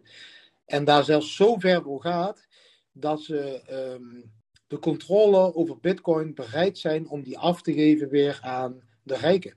Aan de billion dollar companies, aan de biljonairs, aan de hedge funds, aan de banken. Ehm, dus helaas vind ik dat, dat, dat wij zelf de allergrootste vijand zijn van Bitcoin. Wij zouden niet blij moeten zijn met KYC. Wij zouden niet blij moeten zijn dat de ING-bank nu ook Bitcoins verkoopt. Want dat is geen Bitcoin. Je koopt de bitcoins daar en je kunt ze nergens heen verzenden. Je kunt ze ook alleen maar weer verkopen. Dus je haalt bitcoins uit het systeem. Door ze bij, bij banken te onder te brengen. Dus de enige vijand zijn wij zelf. En als wij die vrijheid van bitcoin opgeven. En van bitcoin een, eh, meer het nieuwe goud van de 21ste eeuw maken. Ja, dan weet je dat alle eh, rijken daarop inspringen. En die bitcoin als het goud van de 21ste eeuw gaan behandelen. En dan weet je dat de overheden daar ook in mee gaan doen. En dat is wat je nu ziet. Hè. Je ziet dat overheden over de hele wereld op dit moment bonussen geven aan energiecentrales van dat land om bitcoins te minen. En dat zie je in Irak, dat zie je in China, dat zie je in Rusland, dat zie je in Amerika, je ziet het nu in Europa gebeuren. De overheid geeft financieringen aan energiecentrales om bitcoins te minen. Dit betekent dat die overheid weet dat die bitcoin geaccepteerd gaat worden als het goud van de 21ste eeuw.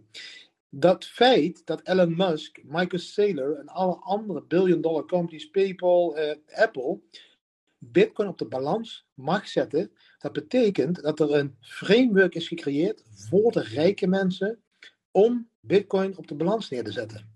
En als de rijken de politiek blijven betalen zoals we nu doen, dan is het aan de politiek om de rijken rijk te houden. En ik denk dat wij als community daar nu de controle over Bitcoin langzaam verliezen. Dat is het negatieve verhaal. Het positieve verhaal is dat je mee kunt spelen met hun spel en die waarde van jezelf kunt vermenigvuldigen. En het meest positieve is dat er een ding in Bitcoin zit dat heet hard forking. En dat betekent als Bitcoin een billion dollar rich man tool wordt, kunnen wij altijd enige andere cryptocurrency die gehardforkt is van Bitcoin gebruiken als peer-to-peer cash voor de armen. Want als biljonairs zoals Elon Musk en Michael Saylor en al die bedrijven alle bitcoins opkopen, hoe kunnen wij dan die bitcoins aan de arme mensen geven die eigenlijk bitcoin nodig hebben, die eigenlijk die connectie met het monetair systeem zoeken? Niet. Dus daar zeg ik, wij zijn zelf de enige vijand die onszelf kan beslaan. Ah ja, ah, dat is een goede inderdaad om over na te denken. Nice. En mag ik één hele korte vraag? Is een ja, nee? Leren traden, ja of nee? Ja. Oké, dank je. Super Mooie bedankt. vraag. Mooie vraag, Doreen. Bedankt. Ja, Doreen, ik, ik zeg daar ja op Doreen, want ik denk dat de negentiger jaren, daar ging het om keihard fysiek werken doen om geld te kunnen verdienen. En ik denk dat de 21ste eeuw erom gaat om jouw geld te laten werken. Dus Ja. traden is een onderdeel om jouw geld te laten werken, zodat je zelf niet meer hoeft te werken. En dat kan door zelf te traden, dat kan door bots of artificial intelligence te laten traden. Maar om de basis daarvan te leren is denk ik heel belangrijk als je je geld voor jezelf wil laten werken in plaats van dat jij voor geld werkt. Goeie. Ja, ik gebruik je bot al. Daar leer ik ook al heel veel van. Oké, super bedankt voor je antwoorden. Graag gedaan. Ja, gaan we door naar de laatste vraag van Siwa. Siwa, brand los. Hallo, dankjewel. Allereerst eh, super bedankt dat jullie willen hosten. Ik vind het echt eh, ontzettend waardevol allemaal, deze informatie. Uh, Dank je. dus eh, ontzettend bedankt. Mijn vraag gaat over het volgende. Ik zie, eh, ik, zie ik, ik hou de, de, de top zoveel crypto coins in de gaten. En ik zie dat Ethereum ook behoorlijk hard stijgt. Zo hard zelf dat het soms wel eventueel binnen, binnen de, de, de buurt van Bitcoin kan komen qua market cap. Nu vraag ik me af of jullie een idee hebben van de implicaties daarvan kunnen zijn. Wat zou er gebeuren als een zogeheten flippening zou plaatsvinden? En hoe hoog achten jullie de kans dat zoiets plaats zou vinden? Ehm, ja, om heel eerlijk te zijn, verwacht ik geen flippening. Ik verwacht wel dat Ethereum ehm, in bepaalde maanden Bitcoin gaat outperformen. Dat betekent eh, beter presteren dan Bitcoin. Ehm, je moet het zo zien: Bitcoin heeft een all-time high gehad van 20.000 in 2017.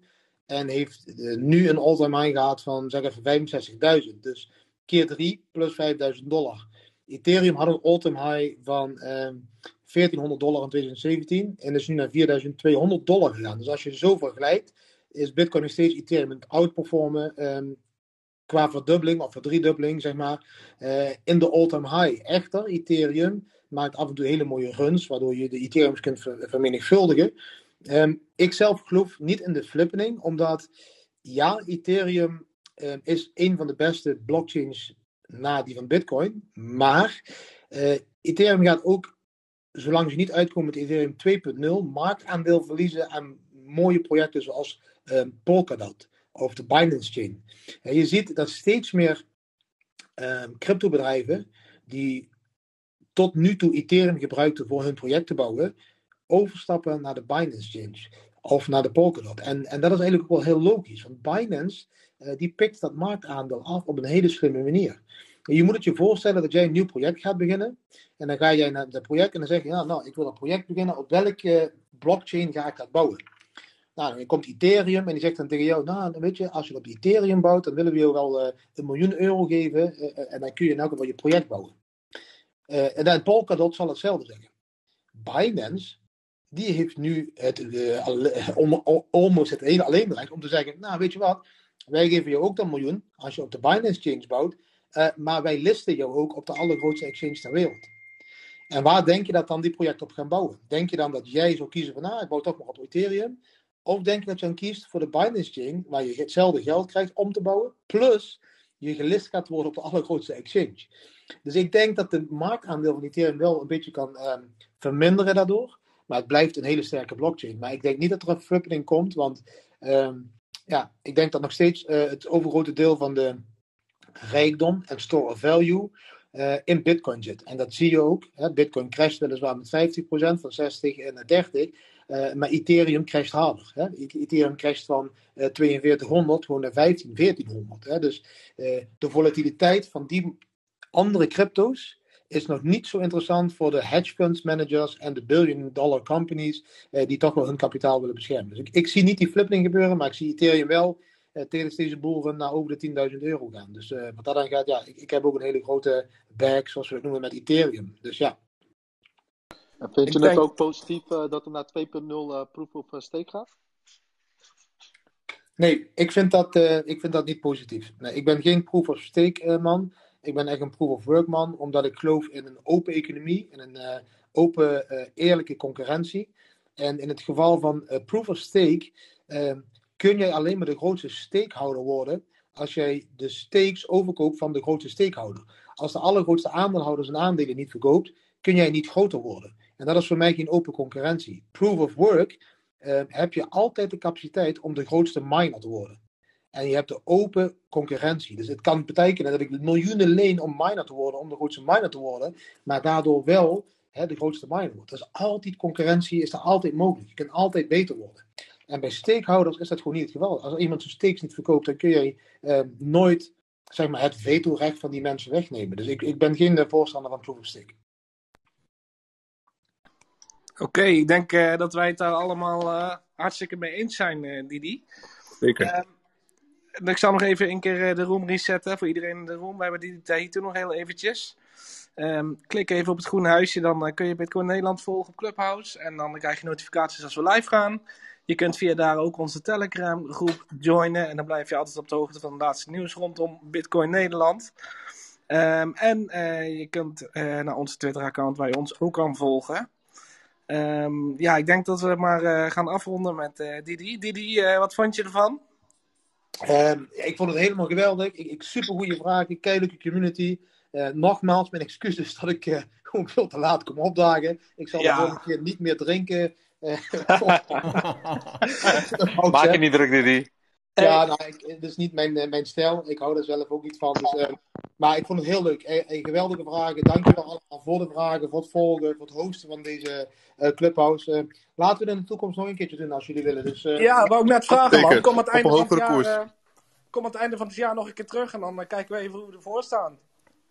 Ja, Ja, k- k- kunnen we dan nog een keer de bitcoin stellen en kijken of we bankroet zijn of biljonair? Ja, ja. Ik, heb, eh, ik heb nog één laatste vraag voor jou, Didi. En dan gaan we echt afronden. Ehm 15 juni hebben we de volgende gast in Bitcoin Nederland. En dat is eh, Marleen Everts. En zij is eh, CEO van eh, Gold Republic. Ehm, als je een vraag voor haar zou willen verzinnen, wat, wat zou jij willen vragen? Ehm, ze, zit, ze zit in goud of in bitcoin? Wat zei je? Ja, allebei, allebei. Allebei. Oké, dan is de vraag heel eenvoudig. Waarom zou je nog in goud geloven als je kijkt naar de grafiek van de laatste 11 jaar en dat je dus 11 jaar geleden 1 euro in goud had geïnvesteerd of 1 euro in bitcoin? Als je 11 jaar geleden een euro in goud had geïnvesteerd, dan was dat nu precies waard 1,74 euro. Dus had je nu een eh, Snickers kunnen kopen. Als je 1 euro 11 jaar geleden in bitcoin had geïnvesteerd, dan had je nu ongeveer 27 miljoen eh, euro. Eh, waarom gelooft zij nog in de kracht van goud als je ziet dat het goud van de 21ste eeuw nu geboren is? Nou, topvraag. Dat eh, gaan we haar eh, 15 juni vragen. Hey, super bedankt voor je komst. We gaan afronden. Eh, we zien je aan het einde van het jaar nog, eh, nog terug. Iedereen bedankt voor het luisteren. En eh wensen we jou nog een hele Ja, dankjewel. Hetzelfde jongens allemaal, fijne avond. Hey, bedankt. Dankjewel. Fijne Bedankt, avond. fijne avond. Fijn Fijn weekend. weekend. Bedankt.